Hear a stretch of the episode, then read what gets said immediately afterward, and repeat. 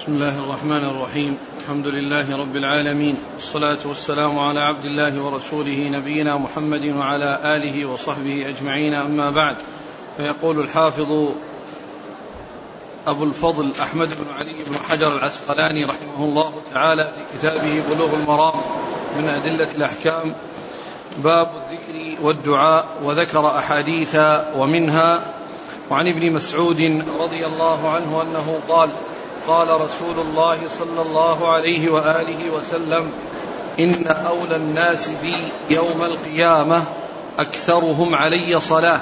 أخرجه الترمذي وصححه ابن حبان. بسم الله الرحمن الرحيم. الحمد لله رب العالمين وصلى الله وسلم وبارك على عبده ورسوله نبينا محمد وعلى آله وأصحابه أجمعين.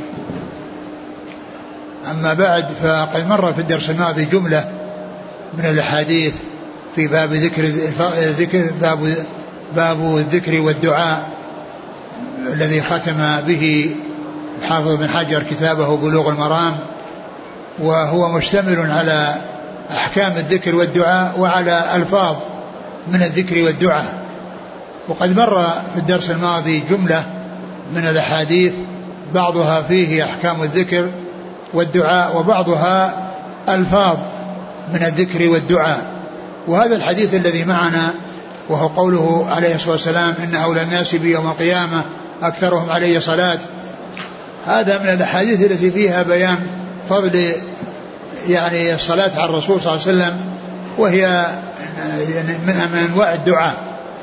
فهذا الحديث يدل على فضل الصلاة على الرسول صلى الله عليه وسلم والإكثار منها وأن الإنسان يكثر من الصلاة والسلام على رسول الله عليه الصلاة والسلام. وقد جاءت في ذلك الأحاديث المتعددة ومنها هذا الحديث وهو قوله عليه الصلاة والسلام إن أولى الناس بي يوم القيامة أكثرهم علي صلاة. وقوله أولى الناس بي يعني معناه أولاهم بالقرب منه وأولاهم بشفاعته صلى الله عليه وسلم أكثرهم عليه صلاة وهو الذي يكثر من الصلاة والسلام على رسول الله عليه الصلاة والسلام والصلاة عليه عليه الصلاة والسلام تكون بذكر الصلاة التي جاءت صيغتها وتعليمها عن رسول الله عليه الصلاة والسلام وهو اللهم صل على محمد وعلى آل محمد كما صليت على إبراهيم وعلى آل إبراهيم إنك حميد مجيد. اللهم بارك على محمد وعلى آل محمد كما باركت على إبراهيم وعلى آل إبراهيم إنك حميد مجيد. وكذلك يعني آه، تأتي بصيغ مختصرة وهي صلى الله عليه وسلم أو عليه الصلاة والسلام وذلك عند ذكره عليه الصلاة والسلام أو عند قراءة أو يعني سواء عند ذكره سواء كان قارئا أو سامعا. فالقارئ يقول قال رسول الله صلى الله عليه وسلم والمستمع يقول صلى الله عليه وسلم. فالقارئ يصلي ويسلم على رسول الله عليه الصلاة والسلام والمستمع يصلي ويسلم على رسول الله. وهذا الحديث يدل على فضل الصلاة عليه وأن المصلين عليه المكثرين من الصلاة عليه أنهم أولى الناس به يوم القيامة أولى الناس بشفاعته أولى, أولى, أولى الناس بالقرب منه صلوات الله وسلامه وبركاته عليه. نعم. حد الكثرة. ما نعلم. ما في تحديد الكثرة ولكن الإنسان يكثر. يعني وليس بلازم أنه يعد أعداد وإنما يعني آه يصلي ويسلم على رسول الله ويكثر والله تعالى يحصيه. والله تعالى يحصي ذلك ولا يخفى عليه. نعم. وعن شداد بن أوس رضي الله عنه أنه قال قال رسول الله صلى الله عليه وآله وسلم سيد الاستغفار أن يقول العبد اللهم أنت ربي لا إله إلا أنت خلقتني وأنا عبدك. وأنا على عهدك ووعدك ما استطعت. أعوذ بك من شر ما صنعت. أبوء لك بنعمتك علي وأبوء لك بذنبي. فاغفر لي فإنه لا يغفر الذنوب إلا أنت. أخرجه البخاري. ثم ذكر هذا الحديث العظيم الذي وصفه الرسول صلى الله عليه وسلم بأنه سيد الاستغفار وذلك لأنه مشتمل قبل ذكر الاستغفار وقبل الدعاء بالاستغفار. بالثناء على الله عز وجل وتعظيمه وتمجيده يعني ويعني و آه، ذكر آه، ربوبيته وألوهيته وأن وأن العبد يعني خاضع لربه سبحانه وتعالى مستكين إليه و فمهد له بتمهيدات يعني آه، ختمت بالاستغفار. قال عليه الصلاة والسلام سيد الاستغفار أن يقول الإنسان اللهم أنت ربي لا إله إلا أنت خلقتني وأنا عبدك وعلى عهدك ووعدك ما استطعت أعوذ بك من شر ما صنعت أبوء لك بنعمتك علي وأبوء بذنبي فاغفر لي. فإنه لا يغفر الذنوب إلا أنت. كل هذا الكلام كله جاء قبل فاغفر لي. ثم بعد ذلك ختم بالثناء على الله عز وجل وأنه هو الذي لا لا يغفر الذنوب إلا هو فيكون في البداية يعني تمهيد طويل فيه تعظيم الله عز وجل والثناء عليه وبيان ألوهيته وأن ربوبيته وأن العبد يعني آه، أحوج ما يكون إلى ربه ثم جاء بعد ذلك فاغفر لي. وختم ذلك ب بقوله فإنه لا يغفر الذنوب إلا أنت. ثناء يعني على الله عز وجل وأنه هو الذي تطلب المغفرة وهو الذي يعتقد بأنه لا يغفر الذنوب إلا هو سبحانه وتعالى. اللهم أنت ربي لا إله إلا أنت. ففيه ذكر الربوبية في قوله ربي والألوهية في قوله لا إله إلا أنت وكذلك الربوبية في قوله خلقتني. ثم بعد ذلك وأنا عبدك وأنا على عهدك ووعدك ما استطعت وأنا على عهدك ووعدك ما استطعت يعني أنا على عهدك يعني ما عاهدتك عليه بكوني دخلت في الإسلام والاستسلام يقتضي الاستسلام والانقياد للأوامر والنواهي فيكون العبد موجودا عند الأوامر وغير موجود عند النواهي يراه الله عز وجل حيث أمره ولا يراه حيث نهاه ولا يراه حيث نهاه. وأنا على عهدك ووعدك. يعني ما يعني وعد به الإنسان بأن يعني بكونه دخل في الإسلام بأن يقوم بمقتضى الإسلام وأن يأتي بما هو مطلوب منه في الإسلام. وكذلك أيضا يعني آه، ما وعد متحر ومنتظر ومؤمل ما وعده الله عز وجل به وأن من عمل صالحا فالله تعالى يثيبه فهو يخبر بأنه يعبد الله ويعني ويرجو من الله عز وجل أن يحقق له ما وعد به لمن عمل صالحا أنه يثيبه ويجازيه. وقوله ما استطعت ما استطعت يعني يعني بذلك أن هذا على حسب طاقتي وعلى حسب قدرتي والإنسان آه، إنما يعمل لله عز وجل على حسب الطاقة لأن الأوامر الإنسان يأتي بها على حسب الاستطاعة. وأما النواهي فإنه يتركها لأنها مستطاعة. النواهي مستطاعة والأوامر الأوامر مستطاعة والنواهي مستطاعة والأوامر هي التي قد تستطاع وقد لا تستطاع. ولهذا الإنسان يأتي بالأوامر على قدر طاقته وأما النواهي يتركها لأنها مستطاعة. ولا تحتاج إلى أن تقيد بالاستطاعة وإن تقيد بالاستطاعة هي بالنسبة للأوامر. ولهذا جاء في الحديث إذا نهيتكم إذا أمرتكم بأمر فأتوا منه ما استطعتم. وإذا نهيتكم عن شيء فاجتنبوه. ما قال فاجتنبوه إذا استطعتم. أبو ما استطع أبو لك أبوء لك بنعمتك علي يعني أعترف. وأقر بنعمتك علي وبأفضالك علي والنعمة المقصود بها النعم. وهو اسم مضاف إلى معرفة فيكون يعني يفيد العموم. أبوء بنعمتك علي وأبوء بذنبي. يعني وأقر بذنبي وتقصيري. وأنني يعني لم أقم بما يجب علي نحن شكر هذه النعم التي أنعمت بها علي. وأبوء بذنبي. ثم بعد ذلك قال فاغفر لي. بعدما ذكر هذا الثناء والتعظيم والتمجيد لله عز وجل قال فاغفر لي. وهذا هو يعني طلب المغفرة. ثم يعني أكد ذلك أو ذكر بعد ذلك بأن الذنوب لا يغفرها إلا هو سبحانه وتعالى.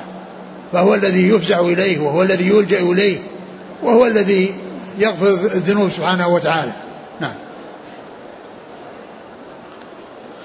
وعن ابن عمر رضي الله عنهما أنه قال لم يكن رسول الله صلى الله عليه وآله وسلم يدع هؤلاء الكلمات حين يمسي وحين يصبح. اللهم إني أسألك العافية في ديني ودنياي وأهلي ومالي. اللهم استر عوراتي وآمن روعاتي واحفظني من بين يدي ومن خلفي وعن يميني وعن شمالي ومن فوقي. وأعوذ بعظمتك أن أغتال من تحتي. أخرجه النسائي وابن ماجه وصححه الحاكم. ثم ذكر هذا الحديث. الذي فيه النبي صلى الله عليه وسلم كان لا يدع هذه الكلمات.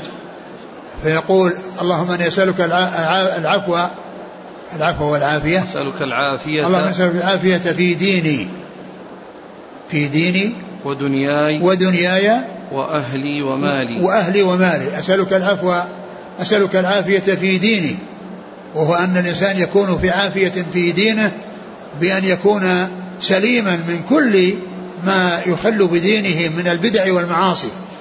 يعني كل ما يعني يكون فيه نقص عليه في دينه في سواء في البدع والمعاصي فيسأل الله عز وجل العافية منها وأن يكون في عافية في دينه وأن يكون على الاستقامة وعلى الالتزام بما جاء عن الله وعن رسوله عليه الصلاة والسلام.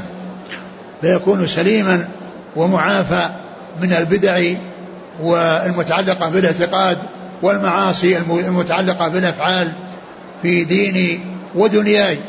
يعني بأن يكون في دينه في دنياه أيضا سليما يعني من من من من من, من, من, من أنواع البلاء وأنواع الشرور وكذلك أهله بأن يحفظهم الله عز وجل ويقيهم من من من, من الشرور ويقيهم من الأمور التي تعود عليهم بالمضرة. في الدنيا والآخرة وكذلك في ماله بأن يحفظه وأن يجعله يعني يأخذه من حلال ويصرفه في حلال وألا يحصل منه شيء آه، يعود عليه بالمضرة بأن يأخذه من من حرام ويصرفه في حرام. في أهل في ديني و ودنياي وأهلي ومالي. بعده اللهم استر عوراتي اللهم استر عوراتي وآمن روعاتي. استر عوراتي يعني ما يحصل منه من من يعني من من خلل فيستره الله عز وجل وكذلك ما يحصل من شيء يرهبه ويخيفه ويدعره ويروعه بأن يعني يؤمن يكون في أمان من ذلك ولا يحصل منه الشيء الذي يروعه والشيء الذي يؤثر عليه. نعم. واحفظني من بين يدي ومن خلفي وعن يميني وعن شمالي ومن فوقي. واحفظني عن يميني وعن شمالي ومن أمامي ومن خلفي ومن فوقي. يعني من جميع الجهات. أما الجهة السفلى فهي قال وأعوذ بعظمتك أن أغتال من تحتي. وأعوذ بعظمتك أن أغتال من تحتي بأن يحصل له يعني شيء يعني خسوف يعني يهبط في الأرض وأن يضيع يعني في الأرض فيكون الإنسان محفوظا من جميع الجهات من جميع جهاته التي هي ظاهرة والتي هي أمام وخلف ويمين وشمال وفوق.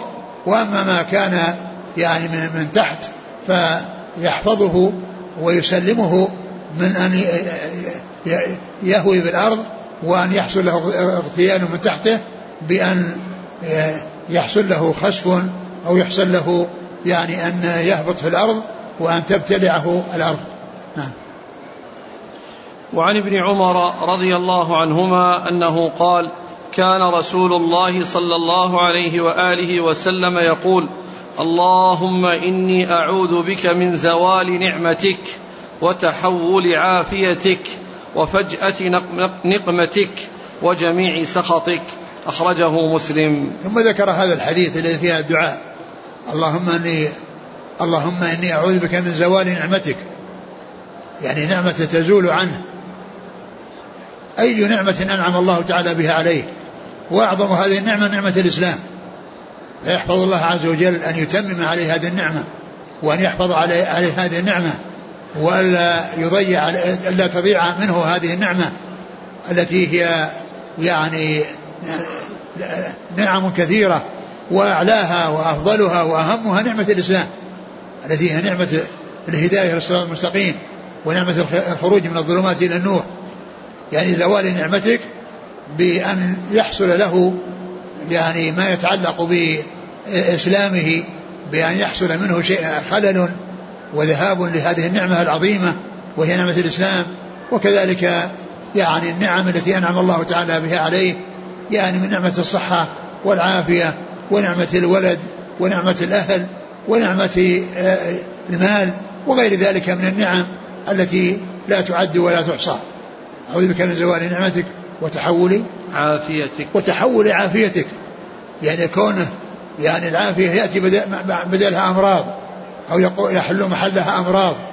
فتتحول يعني ما فيه من صحة وعافية إلى مرض وإلى أمراض لا يتمكن فيها من القيام بما يعني بما هو مطلوب منه فهو يسأل الله عز وجل أن يتم له الصحة والعافية وأن يبقي يعني هذه العافية في جسده وألا تتحول ويحل محلها مرض وأسقام يعني تتعبه وتؤثر عليه ولا تمكنه من القيام بما ينبغي له أن يقوم به وتحول عافيته وتحول عافيتك عافيتك. وفجأة نقمتك. وفجأة نقمتك. يعني كونه يعني يأتي الفجأة التي هو بغتة بأن يحصل له يعني شيء يفاجئه. يحصل له شيء يفاجئه بغتة وأن يحصل له يعني ضرر وهلاك.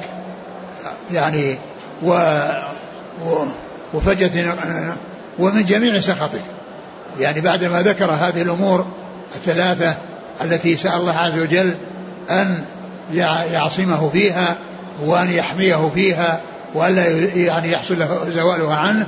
قال ومن جميع سخطك يعني بأن يسلم من كل ما يسخط الله عز وجل ويترتب عليه العقوبة وإنزال العقوبة فيسأله أن يجنبه أسباب السخط التي تترتب عليها العقوبات. نعم. وعن عبد الله بن عمرو رضي الله عنهما أنه قال كان رسول الله صلى الله عليه وآله وسلم يقول اللهم إني أعوذ بك من غلبة الدين وغلبة العدو وشماتة الأعداء. رواه النسائي وصححه الحاكم. ثم ذكر هذا الحديث الاستعاذة بالله من غلبة الدين وغلبة العدو وغلبة وشماتة وشماتة الأعداء. غلبة الدين يعني كونه ترهقه الديون ويعني يكون مدينا ثم يعني لا يكون عنده الوفاء والسداد فيحصل له يعني يعني ما يحصل من التعب والنصب والمشقة وكذلك الخوف من من من ملازمة الغريم وأنه يعني يشدد عليه وأنه يقسو عليه فيعني يسأل الله عز وجل أن يسلمه من غلبة الدين. كل ما يترتب يعني من الآثار السيئة التي يترتب على كون الإنسان مدين بأن تصيبه الهموم والغموم ويذهب عنه, عنه عنه النوم ولا يرتاح فيه وكذلك يعني يلحف عليه الدائنون بالمسألة في تحصيل حقوقهم وكذلك غلبة العدو وهو كون العدو يقهر يعني يقهر يعني يقهر يقهره ويصيبه ما يصيبه من من عدوه بسبب غلبته وكذلك شماتة الأعداء يعني كونهم يفرحون ويسرون بما يحصل للإنسان من البلاء وما يحصل فيه من المصائب. يعني فيكون بذلك يسر الأعداء يعني في ذلك ويفرحون بالشيء الذي أصابه والشيء الذي ناله. ويستعيذ بالله عز وجل من هذه الأنواع الثلاثة التي هي غلبة الدين وغلبة العدو وشماتة الأعداء. وعن بريدة رضي الله عنه أنه قال سمع النبي صلى الله عليه وآله وسلم رجلا يقول اللهم إني أسألك بأني أشهد أنك أنت الله. لا إله إلا أنت. الأحد الصمد. الذي لم يلد ولم يولد ولم يكن له كفوا أحد. فقال لقد سأل الله باسمه الذي إذا سئل به أعطى وإذا دعي به أجاب. أخرجه الأربعة وصححه ابن حبان. ثم ذكر هذا الحديث الذي فيه توسل إلى الله عز وجل بأسمائه وبصفاته فقال الله أن الرجل سمع رجل يقول اللهم إني أسألك باسمك بأن أسألك بأنك أنت الله لا إله إلا أنت الأحد الصمد الذي لم يلد ولم يولد ولم يكن له كفوا أحد. أن؟ بس فقط. يعني فقال الرسول صلى الله عليه وسلم يعني هم يعني لقد سأل الله عز وجل باسمه الأعظم الذي إذا دعي به أجاب وإذا سئل به أعطى. والاسم الأعظم آه، جاء فيه أقوال عديدة ولكن أصح ما قيل من حيث السند وما جاء مثل السند كما قال الحافظ بن حجر في كتابه بلوغ في سبل السلام فإنه ذكر الأقوال التي قيلت يعني فيه وهي تزيد على عشرة وقال إن أصحها وأن الذي دل عليه الحديث صح الإسناد فيه إلى رسول الله صلى الله عليه وسلم هو هذا الحديث. وهو توسل إلى الله عز وجل بأحديته وصمديته وهو ما اشتملت عليه سورة الإخلاص لأن سورة الإخلاص اشتملت على التعظيم والتنزيه فأولها تعظيم لله عز وجل وأنه الأحد الذي يعني متفرد بالجلال والإكرام والصمد الذي الغني عن كل ما سواه. المفتقر إليه كل من عداه. وكذلك بالنسبة للنفي وهو نفي الأصول والفروع والنظراء. قال لم يلد يعني فلم يكن له فروع ولم يولد ولم يكن له أصول ولم يكن له كفوا أحد يعني يماثله ويساويه. ففيه التوسل إلى الله عز وجل بأحديته وصمديته وكونه يعني ينفى عنه الأصول والفروع والنظراء. الأصول في كونه لم يعني لم يعني لم يولد والفروع بكونه لم يلد والنظراء بكونه لم يكن له من يكافئه. فسورة الإخلاص وهي سورة عظيمة وهي تعدل ثلث القرآن كما جاءت بذلك السنة عن رسول الله عليه الصلاة والسلام مشتملة على هذا التعظيم وعلى هذا التنزيه. في أولها تعظيم لله وفي آخرها تنزيه لله. والحاصل أن الحافظ بن حجر قال إن هذا القول هو الذي أصح ما جاء من حيث الإسناد. نعم. وعن أبي هريرة رضي الله عنه أنه قال كان رسول الله صلى الله عليه وآله وسلم إذا أصبح يقول اللهم بك أصبحنا وبك أمسينا وبك نحيا وبك نموت وإليك النشور. وإذا أمسى قال مثل ذلك إلا أنه قال وإليك المصير. أخرجه الأربعة. ثم ذكر هذا الحديث الذي هو في أدعية الصباح والمساء. اللهم يعني في أدعية الصباح والمساء كان كان يقول إذا أصبح يقول اللهم بك أصبحنا. كان إذا أصبح يقول اللهم بك أصبحنا وبك أمسينا.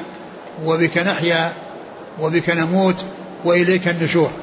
يعني أن أن إصباحنا وإمساءنا وإبقاءنا حتى إذا كنا مصبحين حتى نمسي وإذا كنا ممسين حتى نصبح هو بالله عز وجل ومن الله سبحانه وتعالى. وبه نحيا وبه نموت فهو الذي منه الحياة ومنه الموت وهو المحيي المميت وهو الذي يوجد الناس من العدم وهو الذي يفنيهم وينقلهم من الحياة إلى الموت فهو سبحانه وتعالى المتصف بهذه الصفات. وقال وإليك النشور. يعني النشور هو النشور هو البعث من القبور وأن الناس يبعثون من قبورهم وأنهم يلقون جزاءهم. إن, إن ما حصلوا إن خيرا فخير وإن شرا يعني فشر. وكذلك يقول في المساء إلا أنه يقول وإليك المصير.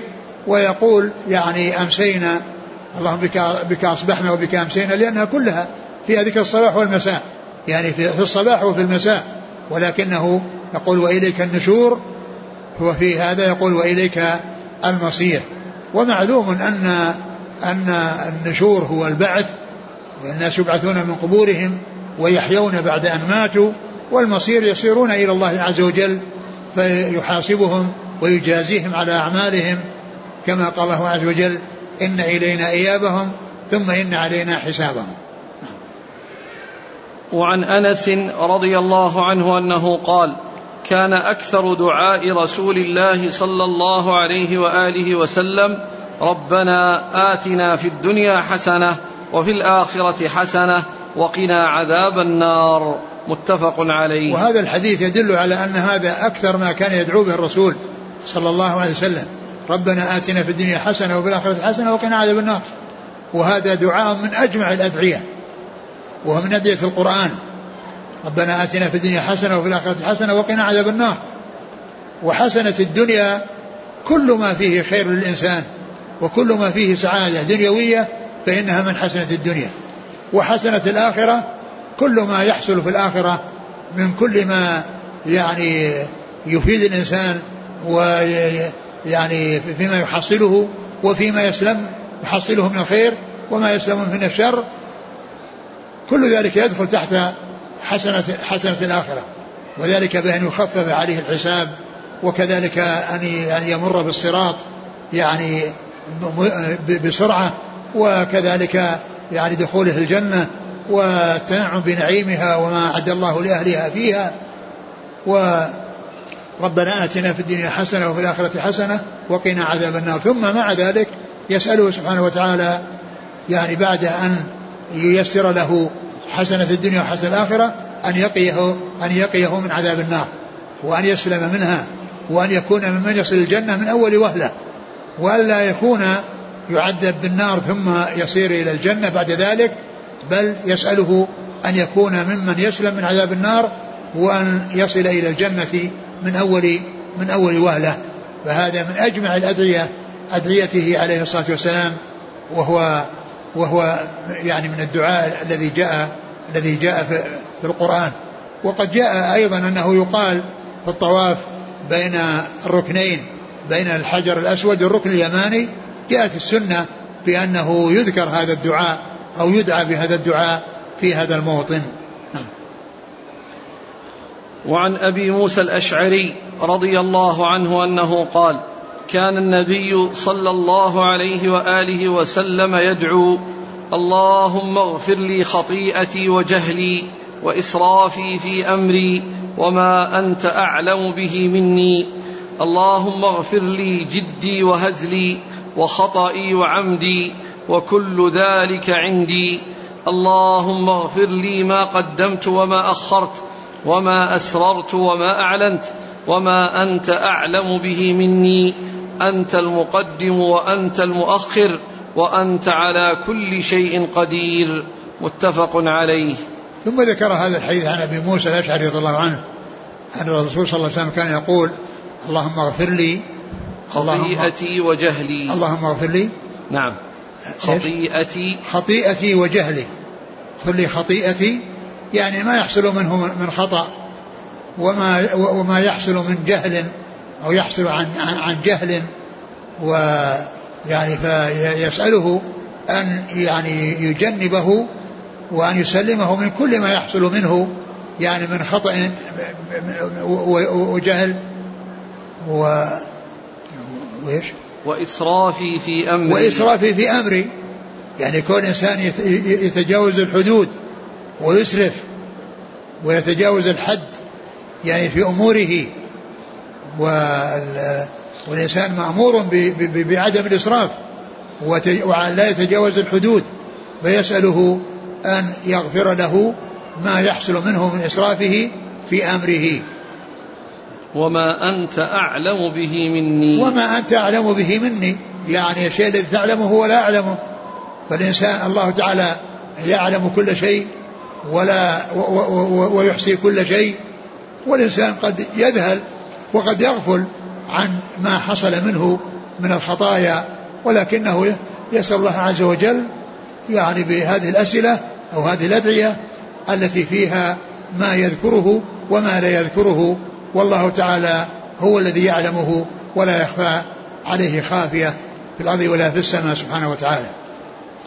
اللهم اغفر لي جدي وهزلي. اللهم اغفر لي جدي وهزلي. يعني ما يحصل منه في أمور يعني هو جد فيها أو أمور هزل فيها. يعني كل ما يحصل منه من خطأ فيما يتعلق بالجد أو بالهزل وهما شيئان متقابلان. الهزل جد ضد الجد. ما يحصل له يعني من من من, من هذين الأمرين فإنه يسأل الله عز وجل أن يغفر يغفره له. وخطئي وعمدي. وخطئي وعمدي الشيء الذي حصل منه خطأ من غير تعمد والشيء الذي حصل منه بتعمد والذي حصل منه بتعمد. نعم. وكل ذلك عندي. وكل ذلك عندي. يعني هذه الأشياء التي حصلت هي عندي يعني يعترف بتقصيره وأن هذه الأمور عنده. نعم. اللهم اغفر لي ما قدمت وما أخرت وما أسررت وما أعلنت. اللهم اغفر لي ما قدمت وما أخرت. يعني ما حصل مني يعني من أعمال يعني آه، هي خطأ يسأله أن يغفرها له لأنه قدمها. وكذلك ما أخر يعني أخره فيهيئ له الأسباب التي تمنعه من الذنوب أو وكذلك أيضا محوها بعد وجودها. يعني فيسأله أن يغفر له ما تقدم وأن يغفر له ما تأخر وذلك بأن ييسر له السلامة من الوقوع في ذلك الذي يحصل في المستقبل وأن يخلصه منه إذا وقع. نعم. وما ما قدمت وما أخرت وما أسرته وما أعلنت. يعني ما أسرته وأخفيته ولا يعلمه إلا أنت وما أعلنته وظهر حتى رآه الناس فهو يسأله أن يغفر له ما كان منه سرا وعلانية. وما أنت أعلم به مني. نعم. أنت المقدم وأنت المؤخر وأنت على كل شيء قدير. أنت المقدم وأنت المؤخر. من تقدم ورفع فأنت الذي قدمته ورفعته. ومن تأخر فأنت الذي أخرته وأنت الذي جعلته يعني يكون كذلك. ف يعني ف فأنت المقدم وأنت المؤخر. المقدم من قدمته والمتأخر من أخرته. وأنت على كل شيء قدير. يعني يثني على الله عز وجل بكمال قدرته وأن الله تعالى على كل شيء قدير. وعن أبي هريرة رضي الله عنه أنه قال كان رسول الله صلى الله عليه وآله وسلم يقول اللهم أصلح لي ديني الذي هو عصمة أمري وأصلح لي دنياي التي فيها معاشي وأصلح لي آخرتي التي إليها معادي واجعل الحياة زيادة لي في كل خير واجعل الموت راحة لي من كل شر. أخرجه مسلم. ثم ذكر هذا الحديث العظيم. المشتمل على هذا الدعاء البليغ العظيم. يقول اللهم أصلح لي ديني الذي هو عصمة أمري. يعني يصلح دينه بأن يثبته على ما عنده من الدين يعني من دين الله عز وجل وأن يثبته على ما كان قد حصل من قبل وأن يزيده يعني توفيقا إلى توفيق ويعني خيرا إلى خير فيصلح له دينه الذي يعني وهو أن يبقى على على طاعة الله وطاعة رسوله وعلى إخلاص العبادة لله عز وجل وأن يأتي بالعبادة يتوفر فيها شرط القبول شرط القبول وهما الإخلاص والمتابعة للرسول الإخلاص لله وحده والمتابعة للرسول صلى الله عليه وسلم. فيسأله تعالى أن يعني يجعل يعني دينه على صلاح وأن يكون مستمرا على صلاح وأن يزيده صلاحا على صلاحه بأن يثبته على ما كان موجودا وأن يحصل منه يحصل له ما كان مفقودا. وهذا مثل اهدنا الصراط المستقيم. فإن الإنسان يسأل الله التثبيت على الهداية ويسأله المزيد من الهداية. اهدنا الصراط المستقيم يسأله التثبيت على الهداية الحاصلة والمزيد من الهداية. والذين اهتدوا زادهم هدى وآتاهم تقواهم. آه، اللهم اصلح ديني الذي هو عصمة أمري الذي هو كل شيء بالنسبة له. لأن يعني من ربح في دينه فقد ربح الدنيا والآخرة. ومن خسر دينه فقد خسر الدنيا والآخرة. اللهم اصلح ديني الذي هو عصمة أمري وأصلح دنياي التي فيها معاشي. وذلك بأن تكون حاله فيها على الصلاح بأن يكون مستقيما فيها وأن يكون يحصل ما يحصل من الرزق على الوجه المشروع وأن يصرفه في الوقت في الوجه المشروع ويصلح ديني التي وأصلح دنياي التي فيها معاشي. وكل إنسان يعيش في هذه الحياة الدنيا لأن هذه الدار هي معاش. يعني وهي ممر وهو يعيش ثم يموت. فهو يسأل الله عز وجل أن يصلح له دنياه وأن تكون فيها حاله على خير حال.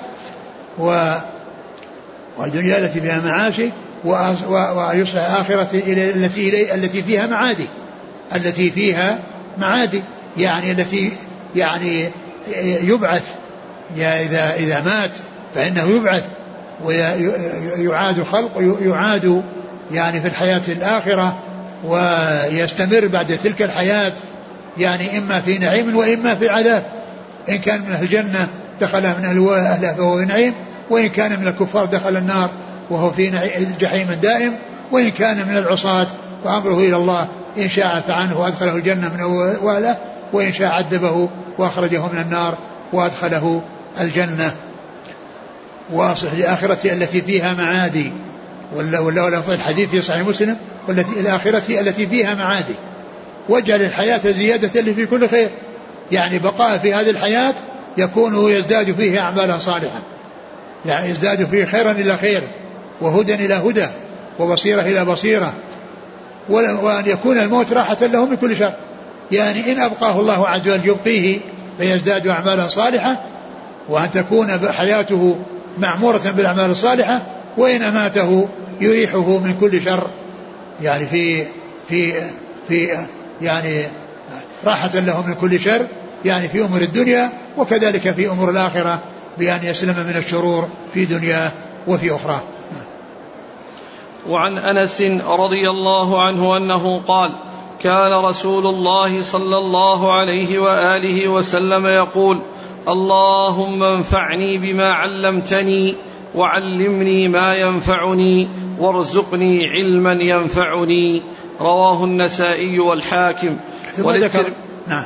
وللترمذي من حديث أبي هريرة نحوه وقال في آخره وزدني علما الحمد لله على كل حال وأعوذ بالله من حال أهل النار وإسناده حسن ثم ذكر هذا الدعاء الذي يتعلق بالعلم وهو أن الإنسان يعلمه ما ينفعه وأن يعلمه ما ينفعه وأن يعني إيش الجملة الأولى؟ اللهم انفعني بما علمتني انفعني بما علمتني يعني العلم الذي أعطيتني إياه وتفضلت علي به ومنحتني إياه.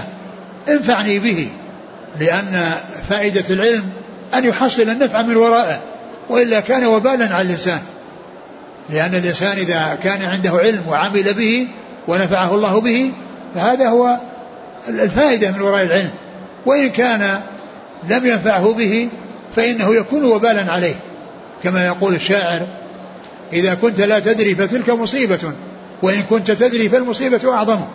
إذا كنت لا تدري فتلك مصيبة وإن كنت تدري فالمصيبة أعظم.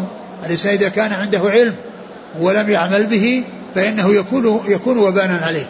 اللهم انفعني انفعني بما علمتني وعلمني ما ينفعني. يعني بأن يسأله أن يعلمه العلم النافع الذي يحصل ثمرته في الدنيا والآخرة. وزدني علما وزدني وارزقني علما ينفعني. وارزقني علما ينفعني. يعني فهو يعني يطلبه أن يطلب من الله عز وجل أن أن أن يمنحه العلم وأن ينفعه بعلمه وأن يرزقه علما ينفعه وأن يرزقه علما ينفعه ويزيده يعني من هذا العلم الذي ينفعه. وبعده. وللترمذي من حديث أبي هريرة نحوه وقال في آخره وزدني علما. وزدني علما يعني يطلب يطلب من الله عز وجل أن يزيده من العلم والله تعالى لم يأمر نبيه صلى الله عليه وسلم بأن يطلب المزيد من شيء إلا من العلم. قال وقل ربي زدني علما. وقل ربي زدني علما. فلم يأمر الله نبيه صلى الله عليه وسلم بطلب المزيد من شيء إلا من العلم حيث قال له وقل ربي زدني وقل ربي زدني علما. الحمد لله على كل حال وأعوذ بالله من حال أهل النار. أعوذ الحمد لله على كل حال. الإنسان يحمد الإنسان في جميع أحواله. في جميع أحواله يحمد الله عز وجل. يكون شاكرا يعني ذاكرا مثنيا على الله عز وجل بما هو أهله ويسأله أن يعني يعيده من حال أهل النار. يعني يحمد الله على كل حال وأن يسلم من حال أهل النار. وعن عائشة رضي الله عنها أن النبي صلى الله عليه وآله وسلم علمها هذا الدعاء اللهم إني أسألك من الخير كله عاجله وآجله ما علمت منه وما لم أعلم وأعوذ بك من الشر كله عاجله وآجله ما علمت منه وما لم أعلم. اللهم إني أسألك من خير ما سألك عبدك ونبيك وأعوذ بك من شر ما عاذ به عبدك ونبيك.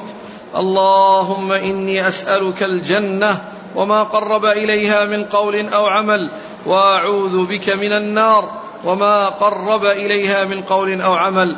وأسألك أن تجعل كل قضاء قضيته لي خيرا.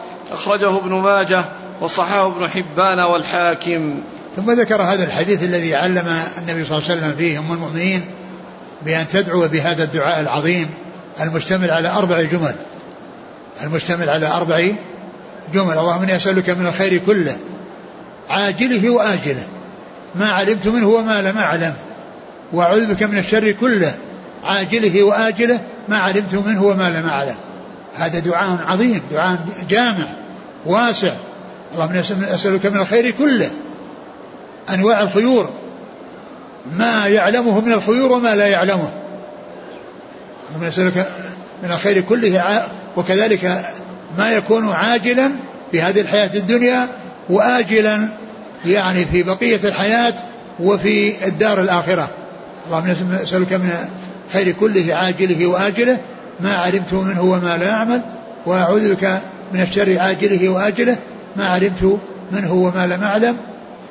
وبعده. اللهم إني أسألك من خير ما اللهم إني أسألك من خير ما سألك منه عبدك ورسولك محمد صلى الله عليه وسلم وأعوذ بك من شر ما عادك منه نبيك محمد صلى الله عليه وسلم. وهذا دعاء جامع أيضا. يعني يعني يسأله بأن يحقق له يعني من كل ما دعاء دعا به الرسول صلى الله عليه وسلم. وأن يعيده من كل شيء استعاذ منه رسول الله عليه الصلاة والسلام. هذا دعاء عظيم دعاء جامع. أسئلة الرسول صلى الله عليه وسلم الكثيرة واستعاذاته الكثيرة كلها تدخل تحت هذا السؤال. نعم. اللهم إني أسألك الجنة وما قرب إليها. اللهم إني أسألك الجنة وما قرب إليها من قول وعمل. وأعوذ بك من النار وما قرب إليها من قول وعمل. يسأل الله عز وجل الجنة وما يوصل إليها. من أقوال وأفعال. فهو يسأل الله عز وجل يحقق له الوسائل والغايات. الوسائل التي هي كل عمل يقرب وكل قول يقرب إلى الجنة والغاية التي هي دخول الجنة. أسألك الجنة وكل ما يقرب إليها من قول وعمل. وأعوذ بك من النار ومن كل ما يقرب إليها من قول وعمل. والجملة الرابعة وأن تجعل كل قضاء قضيته لي خيرا. وأخرج الشيخان عن أبي هريرة رضي الله عنه أنه قال قال رسول الله صلى الله عليه وآله وسلم كلمتان حبيبتان إلى الرحمن خفيفتان على اللسان ثقيلتان في الميزان. سبحان الله وبحمده سبحان الله العظيم. ثم ذكر هذا الدعاء العظيم أو هذا الذكر العظيم. وهو وهو الذي مهد له الرسول صلى الله عليه وسلم بتمهيد يشوق إليه ويرغب فيه لأن الرسول صلى الله عليه وسلم قبل أن يذكر سبحان الله وبحمده سبحان الله العظيم الذي هو ذكر عظيم مهد له بهذا هذه الأوصاف. فقال كلمتان حبيبتان إلى الرحمن خفيفتان على اللسان ثقيلتان في الميزان سبحان الله وبحمده سبحان الله العظيم. وهذا من كمال بيانه عليه الصلاة والسلام وكمال نصحه عليه الصلاة والسلام. فهو أنصح الناس للناس وأفصح الناس لسانا وأكملهم بيانا عليه الصلاة والسلام. فمهد لقوله سبحان الله وبحمده سبحان العظيم وبيان عظيم شأنه فقال عنهما كلمتان. والمقصود سبحان الله وبحمده هذه كلمة وسبحان الله العظيم كلمة والمقصود بالكلمة الجملة لأن الكلمة تطلق على الكلمة المفردة يعني التي هي اسم وفعل وحرف وتطلق على الجملة. فيقال لها كلمة. وهنا المقصود بالكلمة عدة كلمات. سبحان الله وبحمده. هذه هي مقصود الكلمة. سبحان الله العظيم. هذه هي الكلمة الثانية. ولهذا يعني يقال يعني فلان يعني له كلمة أو قال كلمة أو عنده كلمة. يعني كلام. لأن الكلمة يراد بها اللفظ المفرد ويراد بها الكلام العام ويراد بها الكلام العام. وهنا الكلمة يراد بها كلام ولا يراد بها كلمة مفردة ولا يراد بها كلمة مفردة. ولهذا قال الرسول صلى الله عليه وسلم أصدق كلمة قالها شاعر كلمة لبيد ألا كل شيء ما خلا الله باطل. ألا كل شيء ما خلا الله باطل هذه الكلمة التي هي أصدق كلمة. قال عليه الصلاة والسلام أصدق كلمة قالها شاعر كلمة لبيد ألا كل شيء ما خلا الله يعني خلا الله باطله. ف فالرسول عليه الصلاة والسلام أراد أن يبين عظيم شأن هاتين الكلمتين وأن يشوق السامع إلى الاستعداد والتهيؤ لمعرفة لمعرفتهما فقال كلمتان حبيبتان للرحمن. محبوبتان لله عز وجل. حبيبتان محبوبتان لله. والله تعالى يحب يحب من شاء ويحب ما شاء. يحب من شاء من الذوات ويحب ما شاء يعني من الأقوال والأفعال والأحوال. آه كلمتان خفيفتان على اللسان. يعني ما فيها مشقة. سهل اللسان يتحرك وهو ما يتحرك بخير أو شر وكل إنسان يحرك لسانه ويقول سبحان الله وبحمده سبحان الله العظيم. هذا كلام سهل يسير خفيف. وهذا الشيء الخفيف ثقيل في الميزان. مع خفة على اللسان هو ثقيل في الميزان. فهذا تشويق وترغيب وتهيئة وحفز لمعرفة هذا الشيء الذي يبينه صلوات الله وسلامه وبركاته. يقال سبحان الله وبحمده سبحان الله العظيم. وكل من هاتين الكلمتين فيها تنزيه وتعظيم وتمجيد. يعني فالتنزيه في سبحان الله ينزه عن جميع النقائص والحمد يثنى عليه بكل جميل يليق به سبحانه وتعالى. وكذلك سبحان الله العظيم لأن سبحان الله تنزيه والعظيم تمجيد وتعظيم وثناء عليه سبحانه وتعالى. وهذا الحديث يعني يعني حديث يعني آه، آه، مع مع مع اختصاره أو مع اختصار هذا الذكر فيه يعني هذا الوصف العظيم لهذه لهذه لهاتين الكلمتين. وهذا الحديث يعتبر من غرائب هذا هذا الحديث آخر حديث ختم به البخاري صحيحه. آخر حديث في صحيح البخاري هو هذا الحديث. وهو حديث غريب يعني معناه أنه جاء بإسناد مفرد فرد فرد مطلق لأنه رواه أبو هريرة لم يروه غيره عن رسول الله صلى الله عليه وسلم. ورواه أبو زرعة عن أبي هريرة أبو زرعة بن جرير بن عمرو بن جرير لم يروه غيره. وعن أبي هريرة ورواه عن عمرو عن, عن أبو زرعة بن عمرو بن جرير عمارة بالقعقاع لم يروه عنه غيره. ورواه عن عمر بن القعقاع محمد بن فضيل بن غزوان لم يروه عنه غيره. ثم ذلك كثر بعد الفضيل بن محمد بن فضيل. كثر. وصار فيه رواة كثيرون. ولكنه من من من محمد بن فضيل ومن فوقه هو فرد. وهذا آخر حديث في صحيح البخاري. ومثله أول حديث في صحيح البخاري فإنه أيضا فرد. لأنه وهو حديث إنما الأعمال بالنيات. يعني ورواه عمر بن الخطاب عن رسول الله. عليه الصلاة والسلام. ورواه عن عمر علقمة بن وقاص الليثي وحده. ورواه عن علقمة بن وقاص الليثي محمد إبراهيم التيمي وحده. ورواه عن محمد إبراهيم التيمي يحيى بن سعيد الأنصاري وحده. ثم كثر الآخذون عن يحيى بن سعيد. اتسع بعد ذلك. ولكنه من يحيى بن سعيد فمن فوق هو فرد وهو غريب فبداية البخ... فبداية صحيح البخاري حديث غريب ونهايته حديث غريب. وقد ختم الحافظ بن حجر رحمه الله كتابه بلوغ المرام بهذا الحديث الذي ختم به البخاري صحيحا. ومثله فعل المنذري في كتاب الترغيب والترهيب فإنه ختم كتابه الترغيب والترهيب بهذا الحديث. وقال في آخره ولنختم هذا الكتاب بما ختم به أبو آه، آه، محمد بن إسماعيل البخاري صحيحه. ثم ذكر ذكر هذا الحديث. كلمتان حبيبتان للرحمن خفيفتان على اللسان ثقيلتان في الميزان سبحان الله وبحمده سبحان الله العظيم.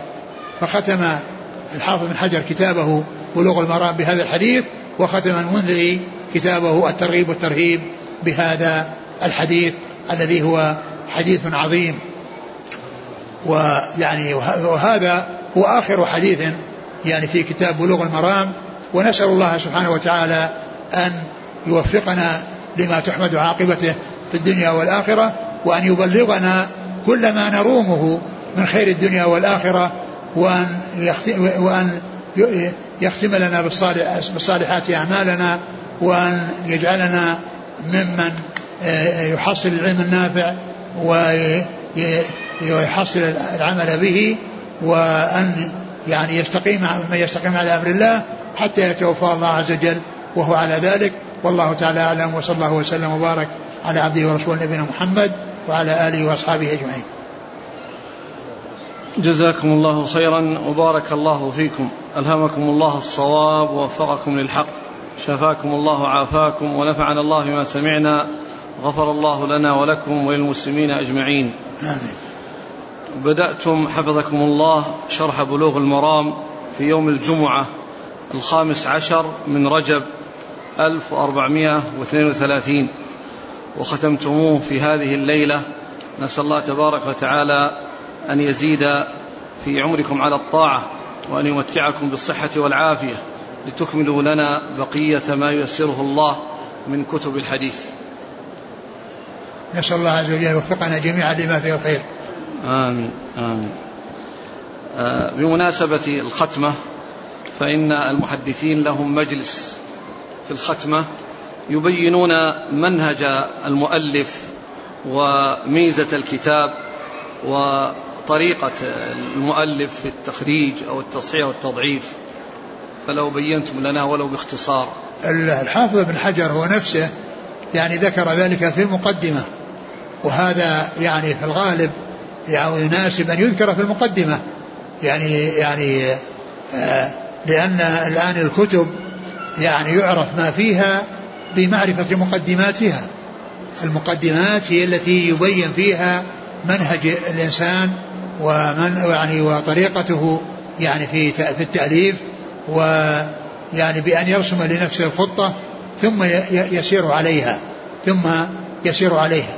والحافظ يعني ذكر في مقدمته أنه اعتنى به عناية عناية بالغة وأنه اهتم به وأنه يعني يعني جمعه واعتنى بذكر آه، الحكم عليه أو نقل الحكم يعني عليه. ف والكتاب كما هو معلوم هو من من الكتب المشهورة التي يحرص طلبة العلم على اقتنائها بل وعلى حفظها. فكان يعني كثير من المشايخ السابقين يعني يحفظون البلوغ وكذلك يوجد من من يحفظه وأنا لست ممن يحفظه. ولكن يعني أسمع أن كثيرا يسألني كثير من الطلاب أنهم يعني يعني ماذا يعني يحفظون بعد البلوغ. يعني وكنت أشير عليهم بأن يحفظوا اللؤلؤ والمرجان فيما اتفق عليه هنا كلام لابن رجب في سبب إكثار النبي صلى الله عليه وسلم الصوم في شعبان. ومسألة قديمة كنتم طلبتم البحث فيها. عائشة رضي الله عنها كانت تؤخر الصيام إلى شعبان. إيش؟ صيام عائشة رضي الله عنها نعم. تؤخره إلى شعبان. نعم. يقول ابن رجب رحمه الله في لطائف المعارف وبكل حال فكان صلى الله عليه وسلم عمله ديمة وكان إذا فاته من نوافله قضاه. كما كان يقضي ما فاته من سنن الصلاة وما فاته من قيام الليل بالنهار. فكان إذا دخل شعبان وعليه بقية من صيام تطوع لم يصمه قضاه في شعبان حتى يستكمل نوافله قبل دخول رمضان. فكانت عائشة رضي الله عنها حينئذ تغتنم قضاءه لنوافله. فتقضي ما عليها من فرض رمضان حينئذ لفطرها فيه بالحيض. وكانت في غيره من الشهور مشتغلة بالنبي صلى الله عليه وسلم فإن المرأة لا تصوم وبعلها شاهد إلا بإذنه. انتهى. هذا كلام جميل لو صح أو إذا صح أن الرسول صلى الله عليه وسلم كان يعني يصوم في شعبان يعني تدارك لشيء قد فات. وهذا يحتاج إلى أن يعني يأتي أو يوجد ما يدل عليه. الحافظ بن بن حجر في بلوغ المرام هل هو كان مختصرا أو ملخصا لكتاب أكبر منه؟ فإن خاتمة الكتاب قال قال مؤلفه فرغ منه ملخصه. أحمد بن علي بن محمد بن حجر في حادي عشر. فرغ منه ملخصه أحمد بن علي بن حجر في حادي عشر شهر ربيع. فالتلخيص هنا ما ندري لا أدري. لكن ذكر في أوله يعني في أوله أني قال كلمة مختصر. لا لا بس في أوله قال أني يعني إيش عبارة قال إنه آه هذا مختصر إيه، يشتمل يعني هذا مختصر يعني كتاب مختصر. يعني كتاب مختصر يعني ليس مطول.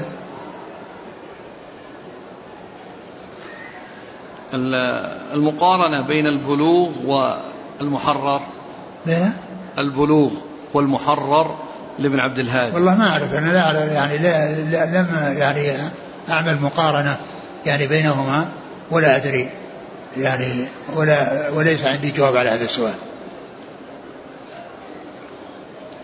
يقول أحسن الله إليكم هل يكفي في الصلاة على النبي صلى الله عليه وسلم الصلاة وحدها فقط؟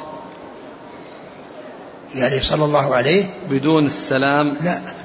آه في في كتب المصطلح يذكرون أن كاتب الحديث الذي يكتبه عليه إذا مر بذكر الرسول صلى الله عليه وسلم أن يكتب صلى الله عليه وسلم أو عليه الصلاة والسلام.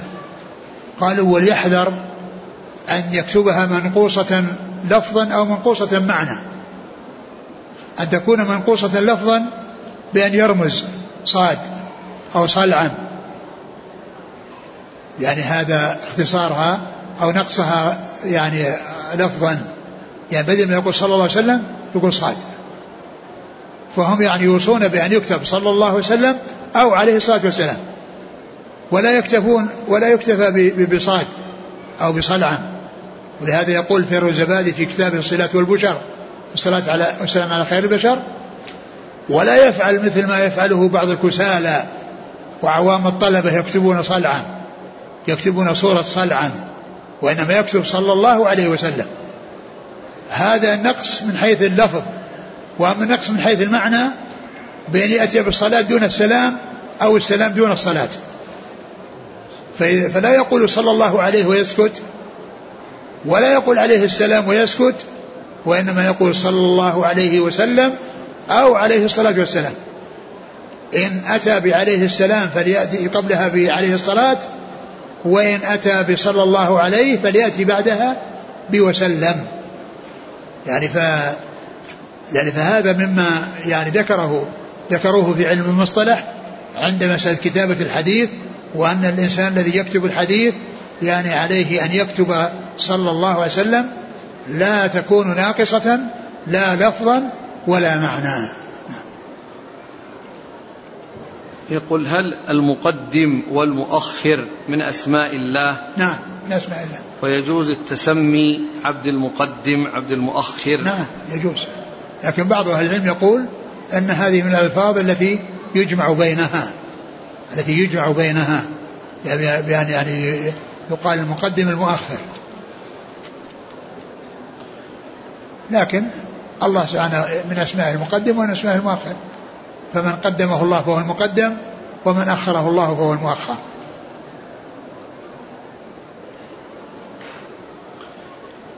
يقول ما حكم الدعاء بما جاء في القرآن من قوله تعالى ربنا أنزل علينا مائدة من السماء هذا من الاعتداء في الدعاء. هذا من الاعتداء في الدعاء.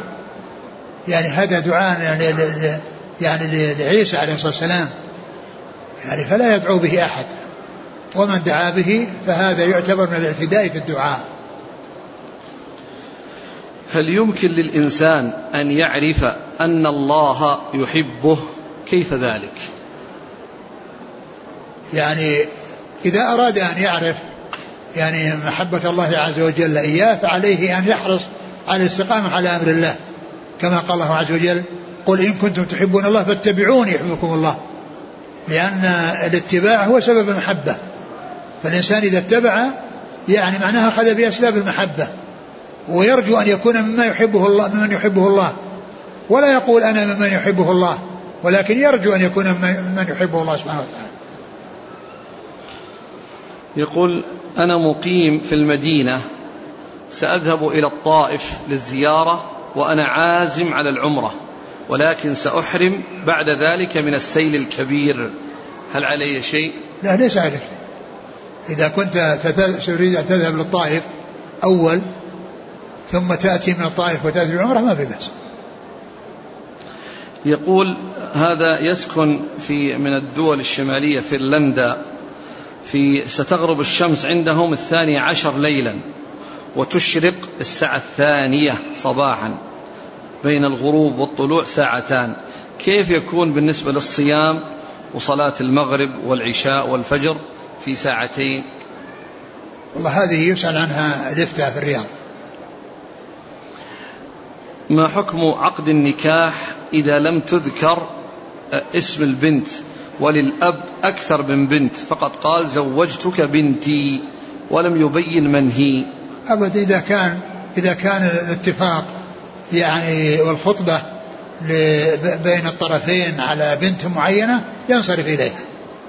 أو إذا نسوا أن يذكروها فإن يعني التي حصلت خطبتها والتي يعني آه، طلبت من وليها وخطبها ووالدها أعطاها يعني هي التي ينصرف عليها أو ينصرف إليها. فإذا كان ذلك معلوما أما كونه يزوجه واحدة من بناته أو يزوج واحد بناته وما في خطبة يعني فهذا يعني لا لا يستقيم لأن لابد من تعيين الزوجة. وهذه معينة بالخطبة. يعني إذا إذا حصل العقد وقال بنتي ولم يسمها وقد اتفقوا على أنه خطب فلانة يعني فإن العقد يكون عليها ولو لم تسمى. امرأة توفيت تركت زوجا وستة أبناء وثلاث بنات. كيف تقسم التركة؟ الزوج له الربع والباقي للبنين والبنات للذكر مثل حظ الأنثيين. الزوج له الربع لوجود الفرع الوارث والأولاد والبنات يقتسمون ما ثلاثة الأرباع للذكر من حظ الأنثيين. هذه المرأة طلبت قبل وفاتها أن يحج عنها أحد أبنائها. هي قد حجت في حياتها.